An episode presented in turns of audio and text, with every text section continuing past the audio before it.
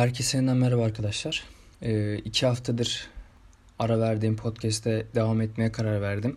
Ve bu podcast sürecini artık düzenli bir hale getirmeyi düşünüyorum. Yani her hafta pazartesi günleri artık saat 6'da paylaşmaya özen göstereceğim podcast'i. Ee, bu konuda da Küçük Prens adlı kitaptan bir alıntı yapmak istiyorum. Burada Tilki'nin Küçük Prens'e verdiği cevap var.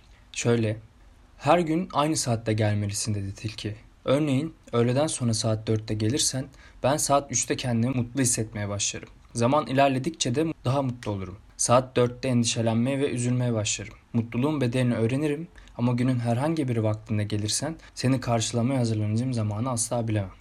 Yani bu bence güzel bir hikaye. Ben de e, bunun üzerine artık dediğim gibi her pazartesi saat 6'da paylaşmaya çalışacağım. Akşam 6'da. Yani umarım beğeniyorsunuzdur konuştuklarımı. Bir şeyler anlatmaya çalışıyorum kendi çapımda. Bugünün konusu da e, gördüğünüz gibi insan insanın kurdu mudur olacak. Yani bu terim kim tarafından ortaya çıkıyor? İlk olarak e, İngiliz siyasi düşünür olan Thomas Hobbes tarafından ortaya çıkıyor. Homo homini lupus bunun latincesi. Bazıları diyor ki bu terim ilk olarak Romalı Platus tarafından söylenmiştir. Ama Platus bu terimi insan henüz neye benzediğini kestiremediği başka bir insan için bir insandan ziyade bir kurttur şeklinde söylemiş. Yani Thomas Hobbes direkt olarak insan insanın kurdudur demiş. Yani bu noktada Hobbes'a göre insanları kurda dönüştüren üç temel şey var aslında. Yani baktığımız zaman bunlardan biri kazanç, diğeri güvenlik ihtiyacı ve sonuncusu da şöhret. Yani bu savaş nedenleri uğruna kurda dönüşen insanlar yüzünden iyi yürekliler için hayat cehenneme dönüşü verir. Yani bunlar Thomas Hobbes'un söyledikleri.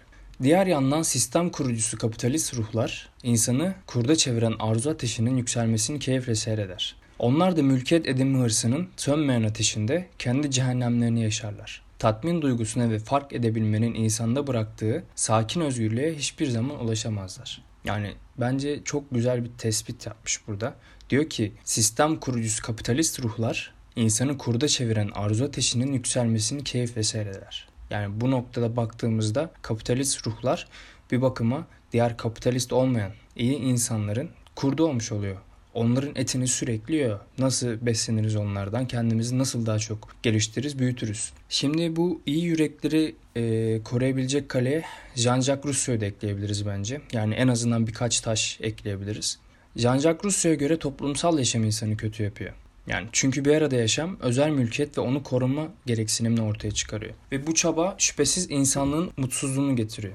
Yani buna tarihsel açıdan da baktığımızda ilk başta avcı toplayıcı insanlar yaşamış. Daha sonra bunlar tarıma evrilmişler. Buğdayı evcilleştirmişler ve buğdaydan e, hububat elde etmişler. Bu ortaya çıkan fazlalığı, üretim fazlasını depolarda toplamaya başlamışlar. Depolarda toplayınca bunun topladıkları e, tarım ürünlerinin veya başka şeylerin güvenlik ihtiyacı ortaya çıkmış. Bu depoların güvenlik ihtiyacı yani. Dolayısıyla bu stres yaratmış insanlarda. Diğerlerine karşı böyle agresif olmuşlar. Herkese bir şüpheyle başlama çıkmış ortaya. Tabi zaman geçmiş. Bu devletler toplumsal e, yaşamı düzenlemeye çalışan devletler demokrasiler ortaya çıkmış. Ama her zaman bu iyi yürekli insanlara zarar vermişler. Yani kurtlar her zaman var olmuş bu süreçte. Çünkü tarihi süreçte devreye kapitalist düzen girmiş ve insanı kurda çeviren savaş nedenleri üzerinde hızla yükselmiş. Tabi iyi yürekliler de bu savaşın doğal, kendilerinin ise hatalı olduğunu düşünerek çarkların dönmesine iyi niyetle de olsa katkı yapmışlar. Oysa tek doğru onların varlığı aslında. Yani onların var olması doğru olan. Hayat sistemden beslenen obez kapitalistler için tasarlanmış bir kurgudan ibaret değilse nedir diye bir şey sorulur yani o zaman insana. Bu noktada devlet ise kurda dönüşen insanları seyreden, koruyan bir sistem piyonu olarak kendini güçten yana konumlandırmış.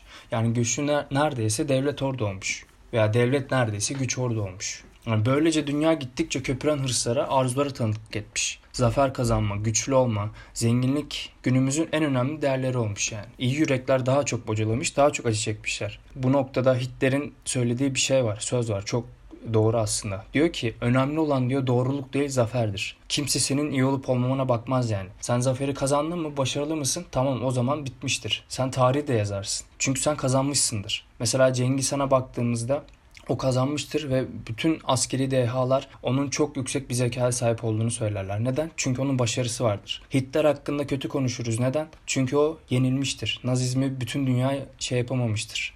Ama eğer o başarılı olsaydı ve Nazizm şu an dünya düzeni olsaydı biz Nazizmi övecektik. Ne kadar başarılı bir sistemdi. Yani güçlünün yanında olmuş. Güçlü her zaman kurt olmuş. Onu demeye çalışıyor. Dünyayı onu en çok sevmeyenler yönetmiş her zaman. İnsanlığı bugünlere getiren ilerleme tutkusu onun sonunu hazırlamış aslında. İnsan sahip olma tutkusunu hedef haline getirdiği bu düzende değerlerinden uzaklaşarak ahlaksızlaşmış. Yani bunu kim diyor? Marx diyor. Böylece hayatlarımız iyi yüreklerin üstüne basmaya çalışan, az gelişmiş ve ahlaksız insanlarla tıka basa dolmuş. Thomas Hobbes aslında insan insanın kurdudur derken üslup hatası yapmış olabilir. Yani aslında insan insanın potansiyelini ortaya çıkarandır demek istemiştir. Yani belki de. Yani burada anlatılmak istenen şey aslında insanların sürekli bir şeyleri elde etmek için başka insanların önüne geçmek istemesi değil. Bu en basit düşünce. Bu cümleyi okuduğunuz veya duyduğunuz zaman bunu anlayabilirsiniz. Ama burada asıl söylemek istediği aslında insanın kontrol edilmezse sonunda kendi kötünün esiri olacağıdır bence. Yani gerçek demokrasinin olduğu toplumda toplumun yaşamı sürdüremeyeceğini düşünmüşüzdür hep. Mutlak bir güce bağlı değilse toplum yani kendi içinde yok olur. Her zaman bu böyle olmuştur. Çünkü insanların kendini yönetilme yetisinin olmadığına inanmışlardır. Aslında tüm söylenenler doğru. İnsan insanın bir yerde tanrısı bir yerde de kötülüğü kurdu. Yani vatandaşları kendi aralarında kıyasladığımız zaman tanrısı olmuş oluyor. Ama şehirleri, prenslikleri, toplumları birbiriyle kıyasladığımız zaman da kötülüğü kurdu olmuş oluyor. Yani birinde zeka, adalet ve hayırseverliğe ilahi bir benzeşim mevcut. Diğerinde de bir insanın kendisini savaşın iki kızı olan hilekarlık ve şiddetten sakınması gerekmiyor mu? Tabii bir soru işareti bırakılır buraya. İnsanın insanın kurt olması çıkar ilişkisine dayanan mülkiyet, aile, din ve devlet denilen yapılanmaların ortaya çıkışıyla bas- başlamış aslında doğrudan olarak. Zaten insana baktığımız zaman bu insan dediğimiz varlık içinde bulunduğu şartların ve zamanın nesnesi olmuş her zaman. Temel organik parçaları dışında işlevselliği çok artmış. Düşünebilme yetisi gelmiş, muhakeme gücü gelmiş. Onu diğer canlılara, doğaya ve kendi türüne bir tehlike haline getirmiş aslında. Özellikle emek üretiminde yani artık değer olarak kalan miktarın korunması için yani bu az önce bahsettiğim tarımsal olay oluyor. Devletin ve polisin ilk oluşumu kabul edilen emekçilik ve güvenlik elemanlarının ortaya çıkışıyla çalışmadan yiyen bir tabaka oluşmuş toplumda. Yani bu noktada Hobbes'a göre doğada çıkara dayalı sınırsız özgürlük insanın insana kurt olmasına yol açmış aslında. Ve bu da bir saldırganlık türetmiş. Bunu önlemek için de toplumsal bir sözleşme gerek açmış ve toplum sözleşmesini yazmış. Sınıflı toplumda demiş güç aynı zamanda devletin yapılanma şeklini de belirlerdi. Yani güneşe baktığımızda güneş herkesin güneşi oluyor değil mi? Hava herkesin havası alıyor. Ama neden toprak herkesin toprağı almıyor? Olmuyor çünkü bazıları insan değerleri ayak altına alarak haksız ve onursuz bir yaşamı kendilerinin varlık sebebi olarak görüyor. Kendilerine yardakçı, yalaka ve dal kavuklar buluyorlar çoğu zaman. Yani şakşakçı tayfa dediğimiz. Böyle yalayarak bir yerlere mevki mevki basamak basamak çıkan insanlar bunlar. Tabi zamanla bu insanlar gücü elinde tutup güç biriktirerek diğer insanları sindirip iktidara ele geçiriyor. İktidar onlara olağanüstü kolaylıklar sağlıyor. Artık namuslu ve insanca yaşamak çok zor bir hale geliyor. Yani bunu günümüz Türkiye'sinde görebiliriz. Çıkar için insanlar çok ucuza birbirlerini satıyor. Koltuk, makam, para ve servet hırsı tüketiyor herkesi. Yani en çok da devlet yapılanmasının içinde rastlıyoruz böyle şeylere. Her gün hayretle izliyoruz aslında canlı örneklerini. Televizyonu açıyoruz, görüyoruz. İnternete giriyoruz, görüyoruz. Instagram'da görüyoruz. Çünkü çevremizi kuşatmış bu insanlar. Oysa menfaat dediğimiz şey sandalye gibi. Ayağımızın altına aldığımızda yüceliyoruz, başımızın üstüne koyduğumuzda ise alçalıyoruz. İnsan gerçek anlamda mutluluğu dayanışma ve paylaşımda bulduğunda yaşayabilir bence. İnsanları birilerine ve üzerinde yaşadığı toprağa köle eden yine insanların basit çıkar hesapları. İnsan içinde yaşadığı toplumsal ilişkilerin derinden etkileyen bir varlıktır demiştim zaten biraz önce. Ama aynı zamanda da hem kendi kişisel tarihini hem de insanlık tarihini değiştirebilme yetisine sahibiz değil mi? Yani eylem gücümüz var içimizde. Yani istersek dünyayı yerinden oynatabiliriz.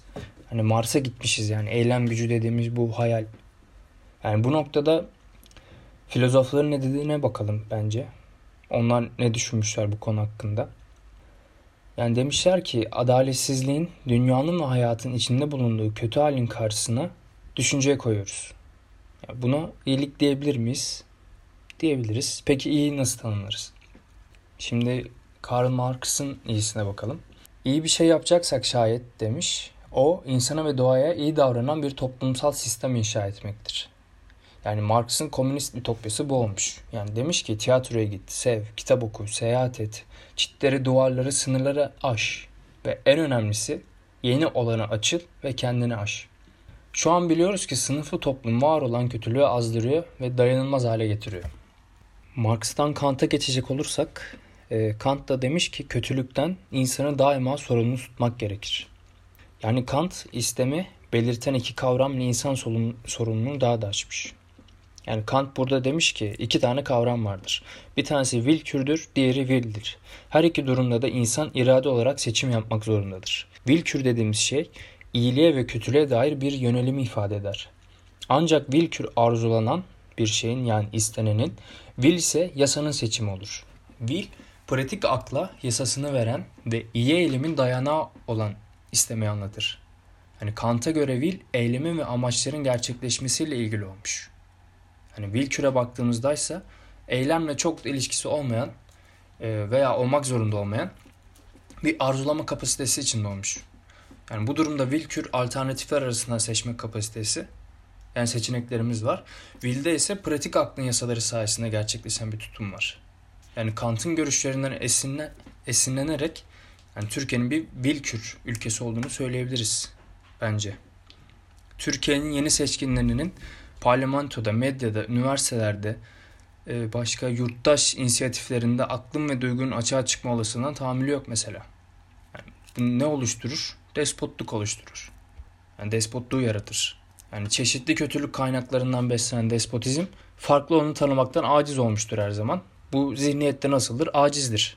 Bu söz öylesine söylenmiş bir söz değil aslında. Yani despotizme baktığımızda onu geriletmeye hazır bir tutum olmadığı sürece despot kişilik özellikleri her bedeni ele geçiriyor. Artan iktidarla beraber bu kişilik özelliği sürekli güçleniyor değil mi? Yani güç zehirlenmesi oluyor. Despot kişi ötekine düşünce içinde bile yer bırakmıyor çoğu zaman. Düşünce suç sayıyor mesela. Televizyonlarını ve gazeteleri kapatıyor. İlişkili olduğu dernekleri, vakıfları baskılıyor. Varlıklarına son veriyor. Yani diğerinin kurdu oluyor. Onu yiyor ve sömürmeye çalışıyor. Yani bence çok tanıdık bir senaryo bu yani. Yani kötülüğü seçenler bireysel olarak kendi yargılama kapasitelerinden vazgeçiyorlar aslında. Kötü oluyorlar. Hani etik dediğimiz kavram onlarda olmuyor. Bu durumda kendi doğal durumunda kötülüğün ne olduğunu bilmeyen insan seçme eyleminde bulunmazsa kötü sayılabilir mi? Bu da bir soru işareti tabii. Yani meşhur düşünce deneyi var ya trenin yaklaşmasında da doğa durumunda ersen her türlü kötü. Yani mesela tren geliyor. Bir tarafta 5 kişi var bir tarafta bir kişi. E her türlü insan ölecek. Ben seçmesem de biri ölecek. Seçmemeyi seçersem de biri ölecek. Yani her türlü insan ölecek. Bu durumda ben kötü müyüm? Hani bir kişi veya beş kişi. Burada ahlak giriyor işte. Hani nasıl seçim yaparsak yapalım. işte beş kişiyi yaşatırsak burada toplum için en iyisini seçmiş oluyoruz. Hiçbir şey yapmazsak da bir şey yapmayarak biz kendimize iyi geleni seçmiş oluyoruz. Ego yani. Enlightened egoizm dediğimiz kavram bastırılmış. Yani bir soru işareti bırakılır tabii buraya. Yani tabii ben bu noktada Nietzsche'ye değinmeden geçmek istemiyorum. Yani onun Übermensch kavramı var ya. Aslında bu e, Nietzsche iyi, asil ve güçlü anlamlarıyla içeriklendiriyor. İyi olan diyor basitçe sağlıklıdır diyor. Savaşçıdır diyor. Cinsellikten uzak durmaz diyor. Gücü vardır, refah vardır, neşe ve mutluluktadır. Yani kötü olarak görülecek, görülecek tek şeyse diyor bayağılık, acizlik, zavallılık, korkaklık ve sıradanlık. Yani bunları söylemiş. Bu insan hayatı korkunçluğu karşısında kendini korumak için ve güvenli hissetmek için bir anlam kozası örüyor aslında. Bu kozu o kadar katı ki esnemiyor. Hiçbir şekilde değişmiyor. Başka bakış açıları ve anlam kazanmıyor. Başka dünyalarla iletişime geçmeye çalışmıyor. Kendi doğrularına muhalif farklılık aramıyor. Değişimleri tehdit olarak algılıyor. Yani en nihayetinde de bu zayıf insan tipi kendi tırnak içine doğrularım ve iyilerim olarak dediği kalıplara doğrudan ve dolaylı olarak baskılarla başkalarını da sokmaya çalışıyor. Benim doğrum var diyor, benim iyim var diyor, sen de bunları yapacaksın diyor. Kendi zihniyetini dayatıyor gaddar ve zalim oluyor. Yani bu durumda insan hayatta kalması için, şahsi menfaati için yani ötekine üstünlük kurması etik sayılır mı? Yani içgüdü mü bu? Yani bilinmez. Buna ne kadar direnebiliriz veya direnebilir miyiz? Marx burada kötülüğün yani bu kötülüğü kapitalizm olarak tanımlamış. Yarattığı acılar karşısında diyor insanın değişme ve değiştirme gücüne inanıyorum. Yani kült sözü var Yani kült sözünde de ifade ettiği gibi insanlar kendi tarihlerini kendileri yapar. Ancak diyor bu serbestçe kendi belirledikleri koşullar altında değil ama daha önce var olan, verili ve geçmişten aktarılan koşullar altında yapılır. Yani burada sınıfsal olana yoğunlaşmış aslında. İnsanların demiş değişme ve değiştirebilme gücü olmasaydı kötülük karşısında insanlık bir harabeye dönüşürdü. Yeni bir şeye başlama yetisi de insanlara bu dünyaya ölmek için değil bir şeye başlamak, yeni bir şey ortaya koymak için geldiklerini hatırlatır. İnsanın başlama yetisiyle özgürlüğü arasında sıkı bir ilişki var ve bu ilişki sayesinde insan tarihe sinmiş büyük kötülüklerin üstesinden gelebilir. Yani burada ne demiş? Temelde verilmek istenen mesaj. Demiş ki kötülüğe sesini çıkar. Onun karşısında dur, diren. Yani Spinoza'nın praksisinde olduğu gibi demiş ki her kötüye ses çıkarmak lazım. Fırtınalı günde yorulmayacaksın. Olayları ve insanları küçümsemeyeceksin. Tepki vereceksin. Çünkü tekil kötü demiş, büyük kötüyü güçlendirir. Yani sen ufak bir kötülüğe ses çıkarmazsan o kötülük büyür, başkalarıyla buluşur ve büyük kötüyü oluşturur. Sonra bir bakarsın ki senin güzel dediğin, anlamlı dediğin coğrafyan, demokrasin, laikliğin, sosyal cumhuriyetin ayakları altında olmuş. Ama sen bunları ses çıkararak inşa edebilirsin demiş. Yani demiş başka bir yaşamın mümkün senin. Yani kötülükten daralmış herkesin birbirine karşı kayıtsızlığı reddetmesi mümkün demiş. Kötülük dedik, güç falan filan dedik. Bu noktada e, yakın zamanda çok konuşulmuş bir film var. Hatta Oscar ödülü bile aldı. Parazit. Yani çoğunuzu izlemişsinizdir bence. Parazit filmi bu olayı çok iyi açıklıyor bence. Bu toplum falan filan.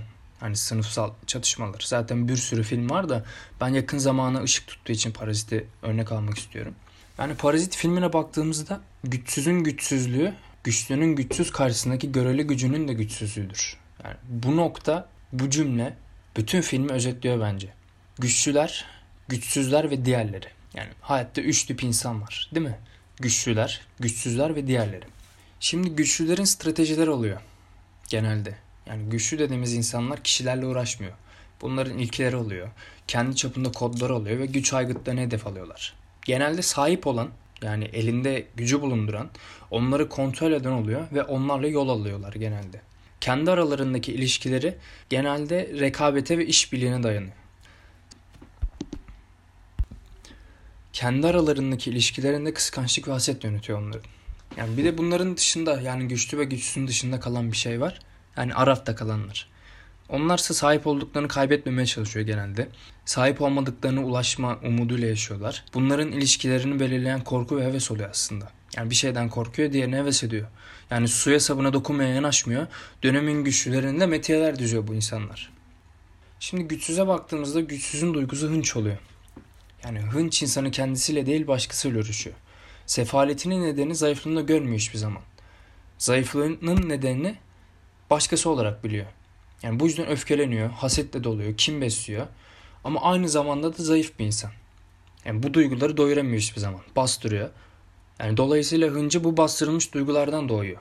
Mutlak yıkım yaratıyor kendisinde. Haliyle hangi hileyle kimi zehirlerse zehirlesin en sonunda bir akrep gibi iğnesini kendine sokuyor. Değer bilinci olmuyor. Hınç zihnin kendi kendini zehirlemesi aslında. Başkalarının halini düşünmeyen bu insan tipi kendi kendini zehirliyor. Yaşamın dertlerine her konuda yenik düşenden başkasının acılarına karşı hassas olması beklenemez. Küçük bir kazanım uğruna başkalarını kullanmak için fırsat üstüne fırsat kollar. Evet, yavaş yavaş da toparlayayım sözlerimi. Ya aslına baktığımızda insan insanın kurdu değil. İnsan insanın ufku olmalı her zaman. Onu geliştirmeli, ileriye götürmeli. Özgür yapmalı, özgür kılmalı. Yani özgürlük fark edebilmek olur aslında. Fark etmek de özgürleştirir insan her zaman. Aksi durumda insan bu Aşık Veysel'in de dediği gibi iki kapılandan hasret kaldığı ve bir, tür, bir türlü ulaşamadığı tutkuyu düşünerek geçmeye devam eder. Kısa ömrü akıldan çıkarmamak iyi yürekleri korunaklı ve güçlü kılar demiş. Evet kapanışı Ekşi'den güzel bir alıntıyla yapmak istiyorum.